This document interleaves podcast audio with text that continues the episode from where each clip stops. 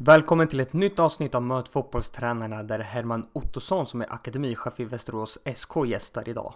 Han berättar om starten av hans tränarkarriär började inom ishockeyn och hur det skiljer sig mellan att träna ett hockeylag och ett fotbollslag. Om vilka lärdomar han tagit med sig från att vara en ung ledare, hur det var att som 21-åring träna ett damlag i division 1, sedan hur det var att bygga upp FK Karlskronas akademi och för och nackdelar med att låta yngre spelare spela in en seniorserie.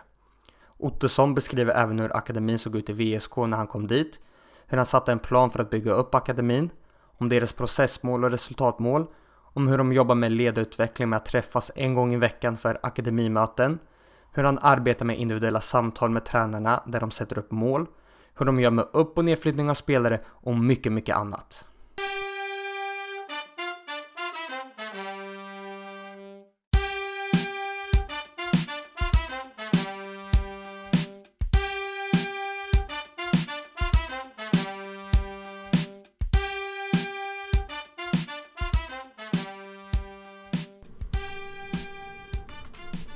Ålder?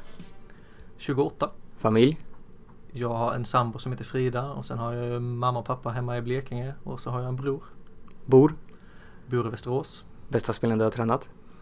Eh, jag skulle nog säga att jag har gjort en eller två träningar med Adi Nalic när han var typ 12. Favoritlag? Eh, Chelsea eh, i England eh, och i Sverige vågar man väl inte säga någon klubb för att då får man kanske inga jobb i framtiden. Förebild?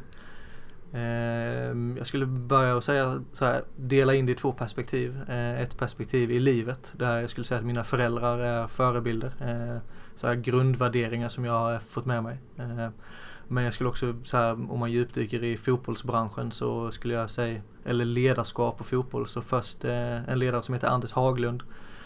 som var min lagledare i ishockey. Ehm, och sen skulle jag också säga Stefan Ekstrand i som då var i Mjällby AIF och som nu är i Vittsjö eh, dam. Som eh, har varit en eh, bra mentor genom många år skulle jag säga. Naturgräs eller konstgräs? Eh, ungdomsperspektiv, eh, konstgräs, eh, träna året runt. Eh, seniorperspektiv, bra gräsmatta. Svarta Leds gräsplaner skulle jag säga, Sölvesborg. Kostym eller träningsoverall på match? Träningsoverall. Vad gör du på match då? Ja, alltså nu har jag ju många matchdagar. Eh, så att eh, jag skulle säga att en matchdag för mig är en vanlig dag nu. Favoritsyssla utanför fotbollen? Jag umgås med min eh, sambo såklart, Frida. Och sen har jag väl lite andra, så här, typ fiska någon dag och så. Men annars är det inte, har jag inte så mycket tid över.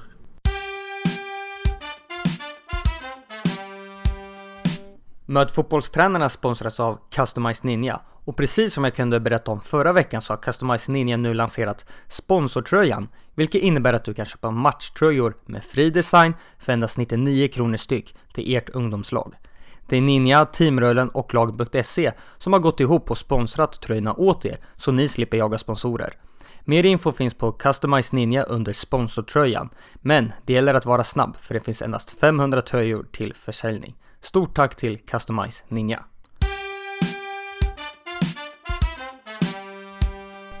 Varmt välkommen till Möt fotbollstränarna Herman Ottosson. Tack så mycket. Hur är läget? Ja, men jag tycker det är bra. Det är fredag, det är en skön känsla. Eh, vi har trevliga matcher framför oss i helgen med våra 19 och 17-åringar. Du är på besök i Örebro, hur är det? Ja men eh, det är andra gången på kort tid nu. Det var ju akademichefskonferens här för ett par veckor sedan. Så att, eh, ja men det är kul att se Bern Arena i hjärtat av Bern Arena där vi sitter nu. Idag är du akademichef i Västerås. Men eh, när vi spolar tillbaks bandet lite så började du din ledarkarriär inte i fotbollen utan i ishockey. Kan du berätta mer om det? Ja, min bror eh, spelade hockey. Han började rätt sent. Han hade spelade med de som var eh, ett år yngre eh, och eh, hans tränare slutade av någon anledning som jag inte vet idag. Ehm, då då fick jag frågan tillsammans med en annan storebror om vi ville matchcoacha laget. Eh, och på den vägen var det egentligen. Så att vi körde sex, eller jag körde sex säsonger eh, ishockey. Med egentligen alla möjliga lag i eh, den lilla ishockeyklubben Sölvesborgs IK. Hur gammal var du då när du började? 14. Hur var det att coacha spelare och vara så pass ung? Eh, ja men bra. Eh, fråga. Alltså då var man, man reflekterade väl inte då, tänker jag. Så här 14-åriga Herman tänkte väl inte så mycket på vad man gjorde. Eh, men jag tror att eh, det gick bra liksom för att det var ett tillfälle i veckan. Vi var där och liksom vi öppnade dörren. Vi satte ihop vilka fem som skulle spela tillsammans. Det var liksom inte mycket mer komplicerat än så. Typ. När började du med då att ta lagets träningar och allt annat runt omkring? Ja, men året efter sen när jag var 15 så då började vi, jag tror det var en eller två pass i veckan och match då eh, och hjälpa laget. Men under den perioden så spelade jag hockey själv eh, ja, fyra, fem dagar eh, i veckan och jag tränade fotboll. Så att det var liksom, man levde ju på idrottsplatsen Svarta Led i Sölvesborg. Som väldigt ung ledare så måste du ha stött på många problem och hinder och utmaningar som du verkligen har tagit med dig som lärdomar tills nu. Vilka var de? Ja men som jag sa innan i faktarutan så eh, den här personen eh, Anders Haglund som var lagledare eh, under de åren. Eh, eh de senare åren i hockeyn får jag säga. Eh, han, vi bollade mycket så här eh, ledarskap. Eh, han var duktig på att liksom ställa bra frågor och vi, och vi diskuterade olika problem. Hur vi skulle hantera föräldrar och så vidare. Liksom, hur vi skulle hantera problem i laget. Och det skulle jag säga att jag är evigt tacksam för att, att, att han tog sig den tiden och diskutera med en, med en ung Herman som var oerfaren. Eh, så typ så skulle jag väl säga att det bollplanket alltid fanns. Hade du några problem med föräldrar? Eh, ja, men jag har väl en specifik eh, situation där en förälder gick in i omklädningsrummet och typ började skälla på grabbarna för att de inte spelade bra. Och då började jag ju såklart skälla på eh, föräldern och sa att han skulle lämna omklädningsrummet liksom. Och han blev typ chockad och tyst och gick därifrån. För han trodde inte att jag skulle ryta ifrån tillbaka. Det är väl så det, det, största minnet jag kan komma ihåg. Annars var det rätt stökigt tid skulle jag säga i hockeyföreningen. Eh, mycket starka viljor i, i hela föreningen, i alla lagen. Det fanns liksom inget samarbete mellan lag och sådär utan alla eh, kämpade för sitt eget. Det måste ha varit en väldigt utmanande tid att som 15-åring försöka arbeta i den miljön. Ja, verkligen. Samtidigt som det var väldigt lärorikt. Eh, att förstå att alla har eh, olika agendor och olika mål med, med sin verksamhet liksom. Och alla trodde ju att sina barn skulle bli elithockeyspelare då. Men det slutade ju med att alla spelar i Sölvesborgs IK nu i division 2 ändå. Så att, vad var resultatet av den verksamheten? När hamnade du i fotbollen istället? Men 2010 så var jag, min pappa och en kompis Adam heter han, som jag umgås med fortfarande idag på en resa i England. Vi såg eh, Manchester United mot Bayern München på Old Trafford. Eh, och i den vevan så fick vi reda på att eh, Sölvesborgs typ P98-gäng eh, behövde tränare. Eh, och sen så försökte jag övertala Adam då att ska vi inte ta det liksom. Eh, vi lirade ihop också då. Både hockey och fotboll. Eh, och han var, blev taggad också, eller han brukar väl säga att jag övertalade honom eller så här, in i det. Och sen så började vi liksom helt ovetandes egentligen då, i alla fall i fotbollsbiten. Jag hade ju hållit på med ledarskap några år i alla fall i hockeyn. Eh, så att ja, eh, det var på den vägen. Skiljer det sig någonting att vara ledare i det här hockeylaget och sen gå in och vara ledare i det fotbollslaget? Um, alltså jag skulle säga att fotbollen var um, lugnare miljö. I, I hockeyn är det, upplever jag så här, det är tidigare stress man ska vara bäst liksom tidigt. Det ska vara mycket träning, det är mycket fysisk träning tidigt liksom. Det är många timmar runt det. I fotbollen var det, ja men det var 90 minuter kändes det som. Eh, vi fick en eh, ett gäng koner, ett gäng västar och en bollsäck liksom och sen, ja men kör. Och sen hade vi 90 minuter med grabbarna och sen var det över liksom. Så att det var väl den stora skillnaden i, i tidsmässigt. Och för, så var det ju då men så är det ju kanske inte riktigt idag. Vad var det som gjorde då att du kände att det är verkligen fotbollskarriären jag vill satsa på, inte ishockeyn? Ja men dels det här mm, bakgrunden med hockeyn, att det var rätt stökigt och att alla liksom, ja men man såg bara till sitt eget. Eh, och sen så skulle jag säga att ja, man kände sig uppskattad av eh, Sölvesborgs GIF. Eh, för det, det man gjorde liksom. Eh, och jag tror att det gjorde att man, eh, att det vägde över till slut. Att eh, det blev fotbollen som var, som var roligare. Och sen så här i efterhand så är det väl, det känns det som att det är mer taktiska grejer i, i fotbollen som jag liksom är mer intresserad av än vad det är i ishockeyn. Och redan som 21-åring fick du ett ganska tufft uppdrag som huvudtränare för damernas division 1 i Lörby IF. Hur var känslan när den frågan och chansen dök upp? Det började egentligen med att jag tog över Sölvesborgs damlag i eh, division 3. Och när vi hade tagit över det uppdraget, jag och Rasmus Oredsson, så slog man ihop eh, Sölvesborgs damlag med Lörbys damverksamhet. Så vi blev Lörbys U-lag kan man säga. Så vi gjorde ett år tillsammans där först. Och året efter det sen då så fick jag chansen att ta huvudtränaruppdraget då i, som nykomling i division 1. Eh, och eh, ja, men fantastiskt kul så här i efterhand att framförallt då Roger Larsson som var sportsligt ansvarig i Löby vågade chansa på en 21-åring. Och vilka utmaningar fanns det där och då med att som 21-åring träna ja, men vuxna och seniorspelare?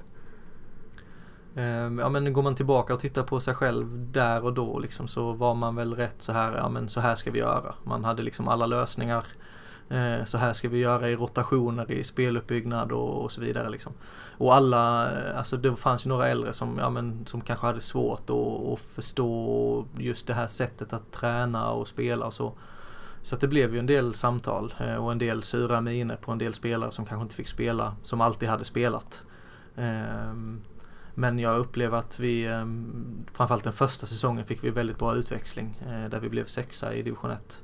Året efter var ju tyngre men då hade vi tappat lite eh, tunga namn i laget så att vi höll oss kvar med nöd och näppe år två.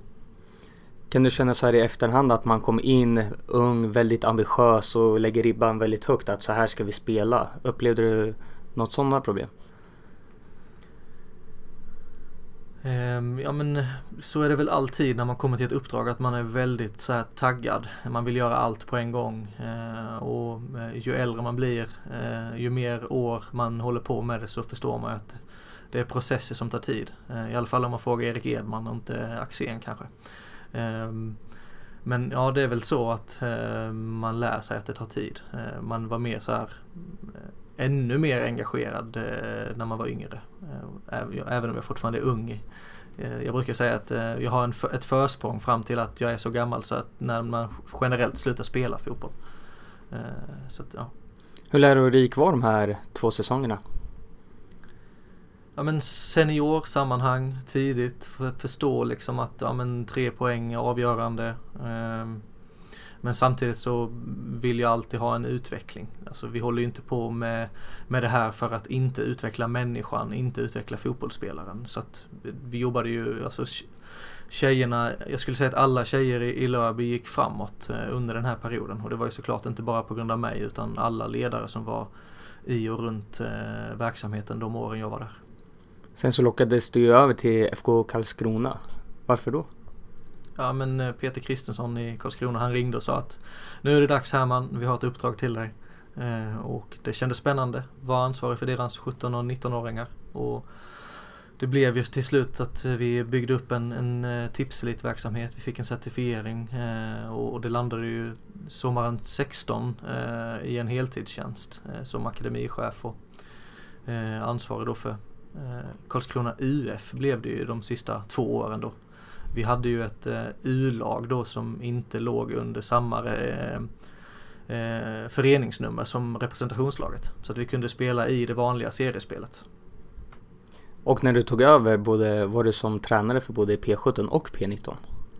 Hur mm. gick eh, hanteringen mellan att vara tränare för båda lagen?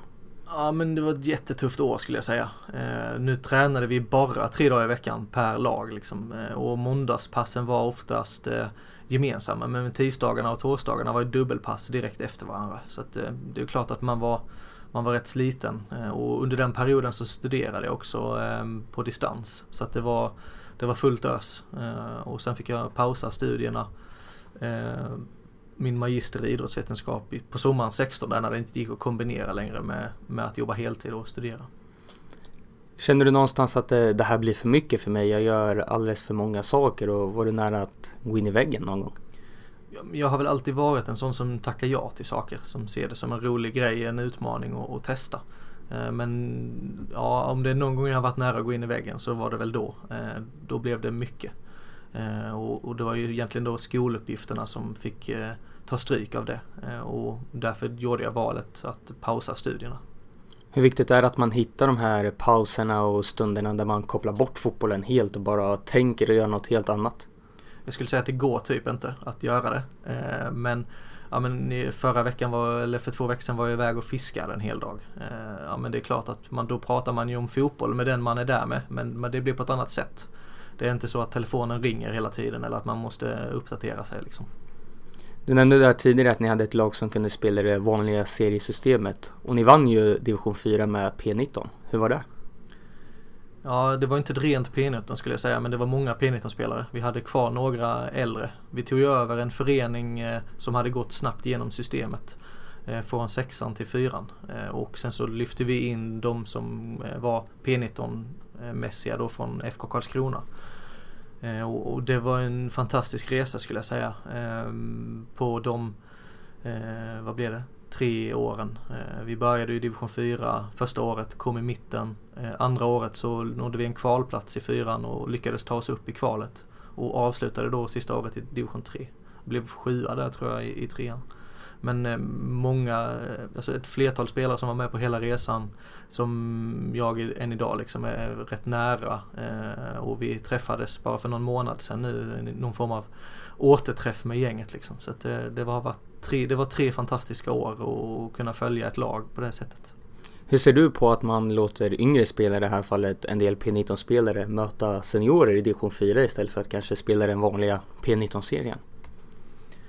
Ja, jag skulle nog säga att division 4 var, är och var för låg nivå liksom. Men man ska nog minst vara på division 3 nivå om man tittar på eh, ja, men om man tittar på de föreningar som vi är idag, ÖSK, VSK, alltså våra 17-åringar skulle nog hävda sig väldigt bra i fyran tror jag.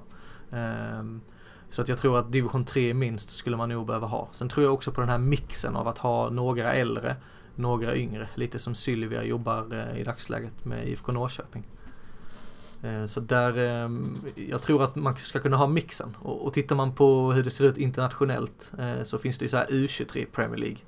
Då får man ju möjligheten att, att jobba lite längre med spelarna. Utbildningen är inte slut bara för att de är 17, 18, 19. Vilka för och nackdelar känner du det finns med att man möter äldre spelare kontra att möta dem i sin egen ålder? Jag tror att så här, det som skiljer mellan åldersgrupper och även upp i senior är ju hastigheten. Alltså FC Barcelona, ÖSKs herrlag, de gör ungefär samma saker på fotbollsplanen. Men skillnaden är att det går mycket snabbare när det är på högsta nivå. Och så är det ju såklart i en akademi mellan 15, 16, 17, 19. Den största skillnaden är Eh, bortsett kanske från vissa kollektiva metoder och sådär, men då är det egentligen hastigheten. Så har du en spelare då som lyckas väldigt ofta i en ålderskull, eh, så är det i alla fall för mig viktigt att den spelaren får testa på nästa nivå för att öka sina hast sin hastighet i fotbollsaktionerna.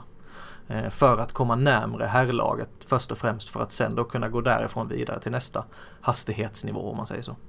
I Karlskrona blev du ju också akademichef och det är ju där du började din resa inom, den, inom det området. Hur var det att bygga upp Karlskronas akademi? Ja men en väldigt spännande resa eh, tillsammans med framförallt eh, Tony Hallén som då var styrelseledamot också som såg liksom samma behov som jag, att vi behövde strukturera upp ungdomsverksamheten. FK Karlskrona är ju en sammanslagning av två föreningar och var väldigt stora på ungdomssidan. Men hade inte jättebra styrning från ungefär 15 till 19. Eh, så det var framförallt den verksamheten som jag la mest eh, energi på liksom och certifiera, eh, utbilda ledare och utbilda framförallt spelare då för att kunna bli mer eller mindre självförsörjande i herrlaget som de nästan är idag. Division 1-truppen idag som kämpar såklart och förhoppningsvis kan hålla sig kvar är väldigt stor del egenfostrade spelare. Hur togs det emot av klubben att när du började med det här arbetet att man kanske ville lägga det på en högre ribba än vad det varit tidigare? Ja men egentligen samma grej som i, i Lörby. Eh, in med mycket energi, och sen så tar ju det tid eh, och ju mindre förening du är desto svårare är det att ta väck personer som inte går i linje med vad du vill eh, eller den sportsliga strategin vill jobba med. För att ide ideella, eh, där man inte har möjligheten att arvodera ledare, så är det svårt att ta väck någon för att du kanske inte hittar någon som kan ersätta. Så att jag, hade, jag skulle säga att jag hade vissa utmaningar med vissa ålderskullar i Karlskrona Eh, och de vet också vilka de är eh, och det har vi pratat om efteråt liksom. Eh, men det är klart att det tar tid att sätta strukturer och förändring är ju generellt väldigt jobbigt. Hur viktigt är det att man har tålamodet? Lite som vi pratade om innan att man kan inte förändra på en dag utan man måste se den långsiktiga processen. Ja men jätteviktigt. Eh, avgörande skulle jag säga. Samtidigt som man inte kan ha tålamod med för mycket dåliga saker. Eh, alltså, om det är någonting dåligt eh, idag i VSK så, så kommer de höra det liksom. Det är inte så att jag, eh, ja, nej men det löser sig över tid. Utan vi tar ju tag i det eh, och, och ger feedback. Och blir det en förändring, fine, då blir det jättebra och då kommer de få höra att det har blivit positivt. Men om man fortsätter göra dåliga saker då kanske vi behöver titta på en förändring längre fram liksom. Just rollen som akademichef lockade ju Västerås SK över dig som. Vad gjorde att du valde att ta det steget? ja, men, eh, förutsättningarna. Ehm, titta på eh, vad finns i Västerås idag? Vad skulle kunna finnas i en sån stor stad? Ja, men vilka spelare har kommit fram från Västerås? Eh, börjar man räkna och titta på det så finns det mer eller mindre en elitfotbollsspelare per ålderskull som kommer från Västerås. Alltså utan att ha haft en riktigt organiserad verksamhet. Så vad är potentialen? Och sen så såklart eh, ekonomiska förutsättningar. Eh, de klubbarna jag har varit i har varit små ekonomiskt eh, och haft det kämpigt liksom. Ehm, och VSK har det också kämpigt. Vi har ju gjort stora minusresultat de sista åren. Eh, men det har ju också varit investeringar i organisation. Så att förhoppningen här nu framåt är att vi ska kunna ha, hitta en hållbar strategi ekonomiskt såklart. Så att det var väl egentligen de eh, största delarna. Dels potentialen i staden och eh, föreningen. Att få möjligheten att börja bygga upp någonting från scratch. Men också ekonomiska förutsättningar. Hur såg VSKs akademi ut när du kom in?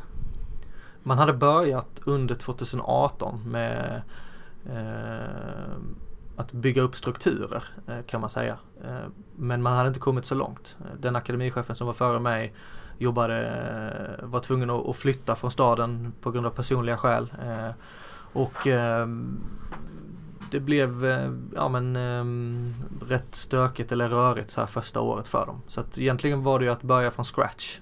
Eh, hösten 18 blev det då, november 18 började jag jobba. Att dels så här identifiera, okej okay, vad gör vi? Sätta lite prägel i november och sen ledigt i december för att sen då starta upp ordentligt i början på janu eller januari 2019 då. Om du skulle kunna gå in mer i detalj, hur ser din roll ut som akademichef? Men tittar man på så här huvudområden så eh, ja men tränarrekrytering, eh, spelarrekrytering, eh, scouting, eh, det vardagliga arbetet, uppföljning av tränare, uppföljning av spelare, eh, både i träning och match. Eh, jag har budgetansvar eh, för eh, akademi, ungdom. Ehm, så att, ja, man kan väl säga att jag mer eller mindre är ansvarig för från 19 hela vägen ner till fotbollslekis, så här övergripande.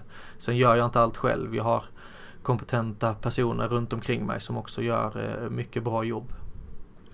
På vilket sätt då börjar du lägga den här planen och strukturen för hur ni ska bygga upp akademin successivt under, under lång tid i framtiden? Ja men vi börjar ju någonstans med, okej okay, vad vill vi någonstans? Eh, och då har jag ju stuckit ut hakan och sagt att ja, men det är klart att vi ska bli Nordens bästa akademi. Eh, och sen så har vi ju inte, eller jag har inte hybris, jag vet att vi är väldigt långt ifrån att vara det. Eh, men om vi kan sikta högt, vi siktar mot stjärnorna så kanske vi når trätopparna. Eh, Ehm, och vad kan vi redan idag göra som går i linje med att vara Nordens bästa akademi som kanske inte kostar så mycket pengar. Eh, hårt arbete, ja men hur många timmar lägger vi ner varje vecka, varje dag på att utbilda spelare? Ehm, och sen efter det så har vi konkretiserat liksom, okej, okay, vad kopplat till att vi vill ha eh, visionen Nordens bästa akademi, vilka resultatmål kan vi koppla på det? Ja, men då har vi fyra olika staplar. Vi vill att våra eh, ungdomar ska gå ut skolan med behörighet, genom alla delar. Eh, både från grundskola, gymnasie och högskola. Eh, vi pratar om att vi vill utbilda tränare till den högsta nivån. Vi pratar om att vi vill utbilda spelare till den högsta nivån. Eh, och sen så har vi lite målsättningar för vår ungdomsverksamhet också. Eh, så att vi sätter så här, intern press på oss själva att ungdomsverksamheten ska hålla ett visst mått. Eh, och, och det, då är det liksom högsta nivån på alla resultatmål. Det är massa delmål då. Går i linje med att vara Nordens bästa akademi. Och sen så liksom hackar vi ner det till där vi är idag kan man säga. Och efter vi då har satt resultatmål så blir det då processmål och då har vi tagit fram någonting som vi kallar grönvita huset och då är det alla olika processer som vi ska göra. Och då handlar inte det bara om det fotbollsmässiga utan det handlar också om vad, vad du som spelare ska få med dig även om du inte blir elitfotbollsspelare. Du kanske ska vara anställningsbar i framtiden på ett företag kopplat till att du har gjort en utbildning på en högskola. Ja, vad kan du redan idag lära dig i VSK som du då kommer ha nytta av när du är anställningsbar i framtiden? Hur gör ni då dagligen för att uppnå de här processmålen och i slutändan resultatmålen?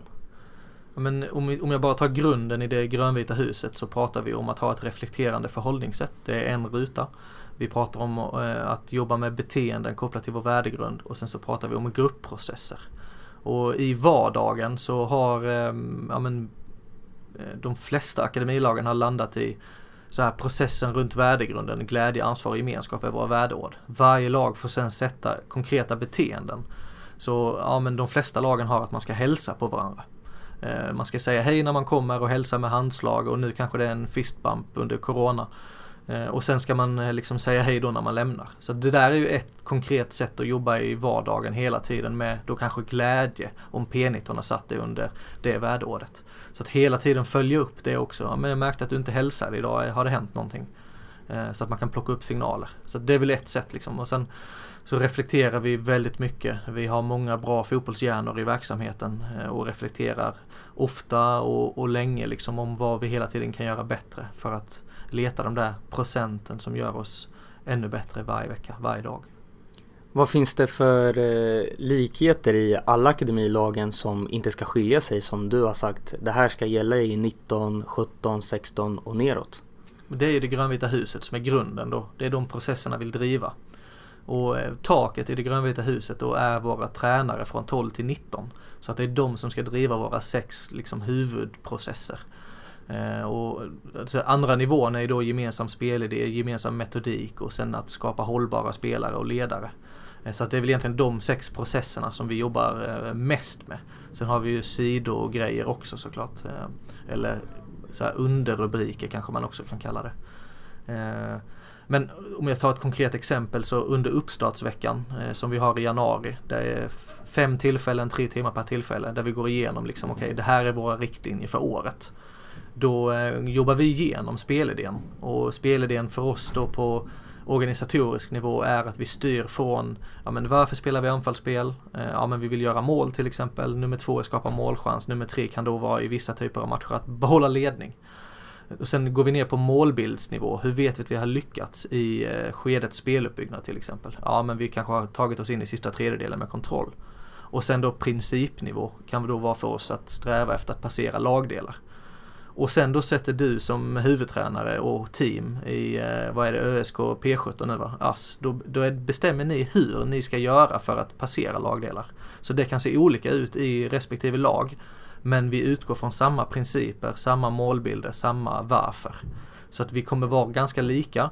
Men det kommer bli ändå kollektiva metoder och roller på spelare som skiljer sig mellan lagen. Och så här, ett sätt på att för att vi blir lik, mer lika varandra det är också att vi har våra akademimöten som löper hela tiden över året. Varje måndag eller måndagsmöten eller akademimöten, vi säger lite olika då får lagen också eh, så uppgifter att presentera. Så till exempel om du skulle vara vår eh, assisterande i 17. Eh, okej, okay, jag vill att du eh, presenterar en fast situation som ni har jobbat med nu på sistone. Och har du då varit framgångsrik med den så kanske några andra lag också testar den i akademin också blir framgångsrika på den. Så att då blir vi ju lika varandra över tid för att vi delar med oss av saker. Vad skulle du säga de här akademimötena som du berättar om att ni har en gång i veckan, vad har de gett för dig och för de övriga ledarna i VSK? Alltså utgångspunkten är väl så här, okej okay, hur, hur skulle jag vilja ha det för att hela tiden bli en bättre tränare? Och nu då, hur ska jag kunna bli en bättre akademichef? Och då, ja men akademimötena var ett hur då kan man säga. Ehm, och dels en stor fördel är ju så här relationer. Vi bygger starka relationer för att vi träffas minst 90 minuter per vecka från 12 till 19. Och med starka relationer så minskar vi prestigen mellan lagen, vilket gör det enklare att flytta på spelare. Det gör det enklare att samarbeta. det är en av de största fördelarna skulle jag säga. Men det är också en fördel i att vi blir lika varandra, både i hur vi tränar, hur vi spelar, hur vi gör analyser och så vidare. För att vi delar hela tiden med oss av olika sätt att arbeta på. Hur har ni gjort för att lösgöra den här eh, tiden som ändå, det blir ganska många timmar på ett år med, hur är spelarna i alla lagen lediga på måndagar eller hur ser det ut? Nej, vi, så generellt, framförallt under sommarhalvåret så kan vi styra tiderna ganska enkelt själva. Och då tränar vi oftast halv fem till sex. Och sen så har man en timme teamtid mellan 18 och 19. 19 börjar akademimötet. Så den här teamtiden kan ju då till exempel vara för P17-teamet som har lite svårt att hitta andra tider och planera veckan. Då sitter de med 45 minuter och planerar resten av träningsveckan. Och sen då 19.00 börjar akademimötet till cirka 20.30. I måndags blev det lite senare när det var fysfortbildning med Johan Svensson. Um, men ja, men det är väl så det ser ut. Och så här, alla har ju olika förutsättningar. Alla kan inte vara med varje måndag. Men alltså så här, vårt, så här, jag, egentligen har jag inte satt några krav på att det är obligatoriskt heller. Eh, några har kanske det i sitt avtal att man ska vara närvarande liksom. Men så här, missar du akademimötet idag så missar du ganska mycket information som kan bli i längden rätt avgörande. Och jag tror att vi har byggt den kulturen nu av att ja, men man vill vara med på våra akademimöten för att det ses som en så pass bra fortbildning. Hur viktigt anser du att det inte bara är viktigt att jobba med just spelarutveckling i akademin utan också som nu, som vi har pratat om, ledarutveckling. Att man avsätter tid för ledare att prata och samtala och att utvecklas. Ja men så här, nästan motfråga så här, hur, hur kan man inte lägga tid på tränarutveckling? För det är väl, det är väl, det blir väl liksom spelarutveckling av att vi utvecklar tränarna. Eh, och det är väl så jag ser det, framförallt i min roll, att vara tränarnas tränare. Om jag kan utveckla våra tränare, nu är det inte jag alltså per definition som gör det, utan vi gör det tillsammans. Eh, då kan ju också, om tränarna blir bättre, så kommer ju såklart spelarna i längden också utvecklas. Så att det blir ju spelarutveckling av att jobba med tränarutveckling. Eh, och jag skulle vilja säga att det är väl inga klubbar som inte har råd att börja göra det liksom. Det är ju bara tid och tiden behöver inte kosta så mycket pengar. För att förhoppningsvis så vill ju de flesta tränarna i svensk fotboll bli bättre också. Om du skulle kunna berätta hur ser de olika teamen ut i VSK? Hur är strukturen uppbyggd? Om vi börjar uppifrån så, så här, vår akademi 15 till 19. Eh, I 19-årslaget så har vi en huvudtränare, vi har två assisterande, vi har en målvaktstränare och sen har vi en fysio. P17-teamet ser likadant ut med två ass, eh, målvaktstränare och fysio. P16 där har vi en mindre assisterande under 2020 och eh, i P15 har vi samma stab som i 16. Så att det blir det då huvudtränare, assisterande, målvaktstränare och fysio. Ehm, sen har vi då förberedande akademiverksamhet kan man kalla det 13 till 14 där vi också har eh, olika typer av team kan man säga. Hur mycket jobbar du mot den specifika individen i varje ledarteam med att ha individuella samtal, sätta upp mål och så vidare? Vi jobbar med värderad riktning eh, som är idrottspsykologisk eh, teori kan man säga. Där vi sätter upp eh, för varje tränare, vad vill du någonstans? Vad är din riktning? Just, alltså, vad ser du ditt slutmål någonstans? Då kanske man säger att eh, ja men det är ÖSKs herrlag för dig, kanske. Eller eh, vidare. Eh, allsvensk fotbollstränare. Eh, och sen så sätter vi liksom, okej, okay, om, om du ser dig själv i allsvenskan som huvudtränare om, om tio år, vad tror du att du behöver vara bra på när du är där? Och sen då konkretisera olika kompetenser för att sen landa in i någon kompetens som du vill jobba extra med under året. För att sen då i ett steg till konkret liksom sätta aktioner och beteenden på det. Okej, okay, hur ska du utveckla eh, ditt eh, transformativa ledarskap till exempel. Ja, hur ska du jobba med det i vardagen, varje månad, varje vecka, varje dag? Hur ska du utvärdera det? Så några sådana konkreta grejer har väl varit att samla kollektiva metoder för att sen presentera. Och då tänka att jag är en ny arbetsgivare. Så om du kommer till en ny klubb och du ska presentera hur du vill spela. Då har man ett sån, en sån presentation klar redan till exempel. Så ja, en konkret grej. Hur har det tagits emot av ledarna? Eh, bra skulle jag säga. Eh, absolut. Eh, sen är väl det alltid i en början så här svårt. Eh, hur många har individuella samtal som tränare för att man ska bli bättre? Eh, jag, jag har själv nog aldrig haft det i de lagen jag har varit tränare i. Så det är väl också en kulturgrej som kan ta eh, något år liksom innan man har en full ärlighet och transparens i de samtalen också. Nu som akademichef, saknar du att vara ute på planen och vara en instruktör? Jag trivs ju väldigt bra i den rollen jag har nu eh, och jag trivs väldigt bra i VSK.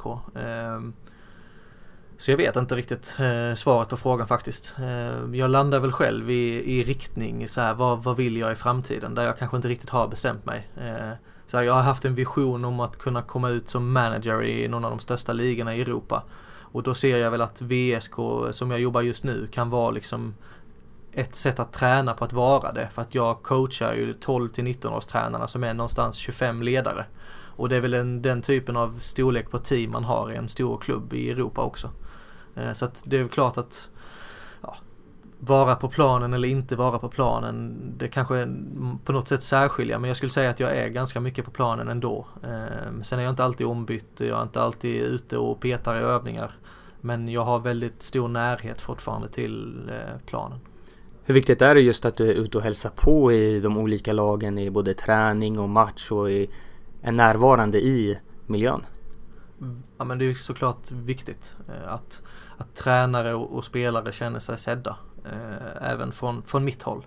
Eh, och där skulle jag säga att jag har lyckats i, lyckats i relativt hög grad eh, med tanke på att jag har ganska många arbetsuppgifter på eh, i min arbetsbeskrivning så kan det ju ibland vara svårt liksom att i alla fall under en och samma vecka vara ute på alla lagen. Men jag försöker liksom på något sätt strukturera upp uppföljning av lagen och tränare över tid så att det blir någon form av rättvisa.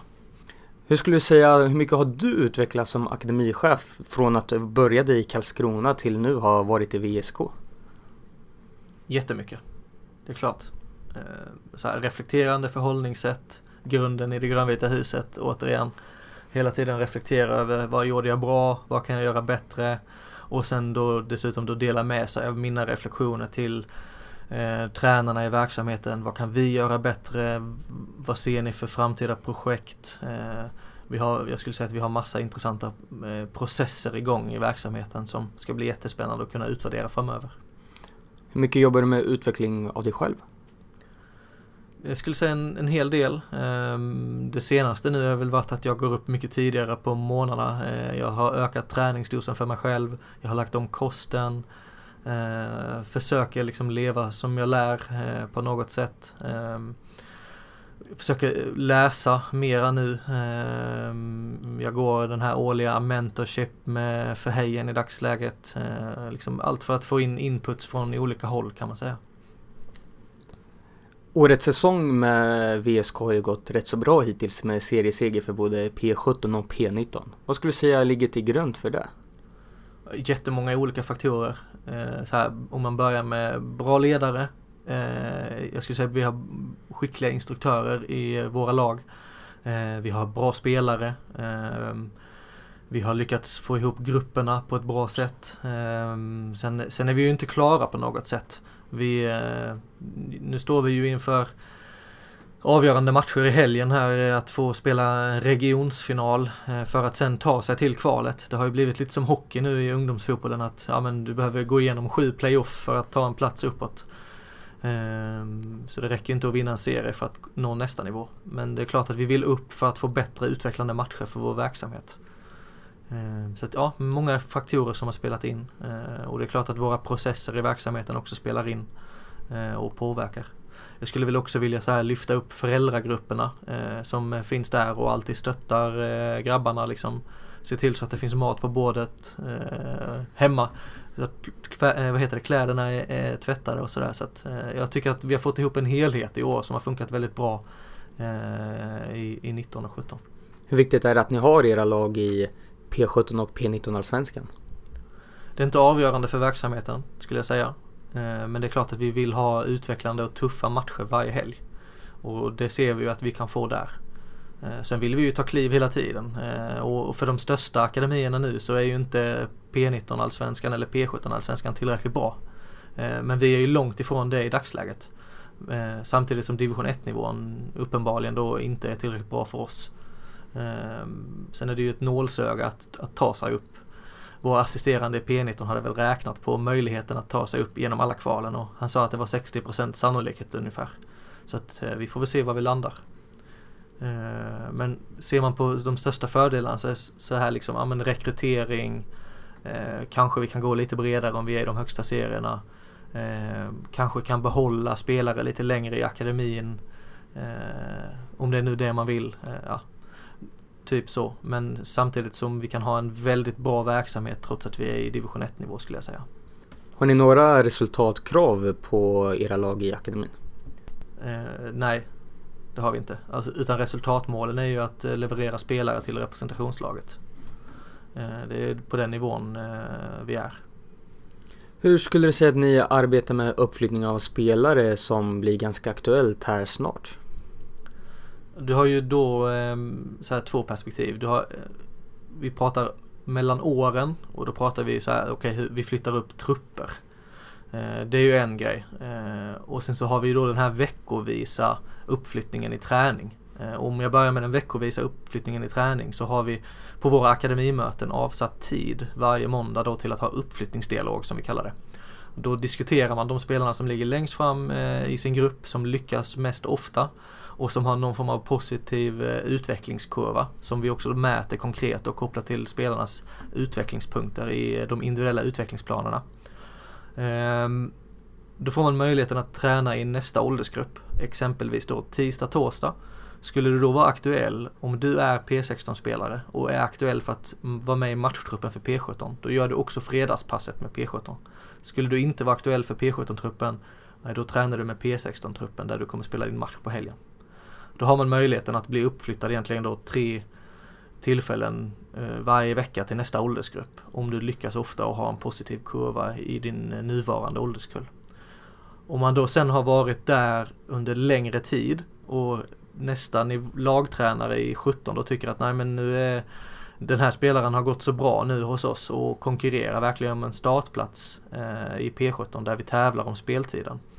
Så eh, då börjar vi prata om en uppflyttning.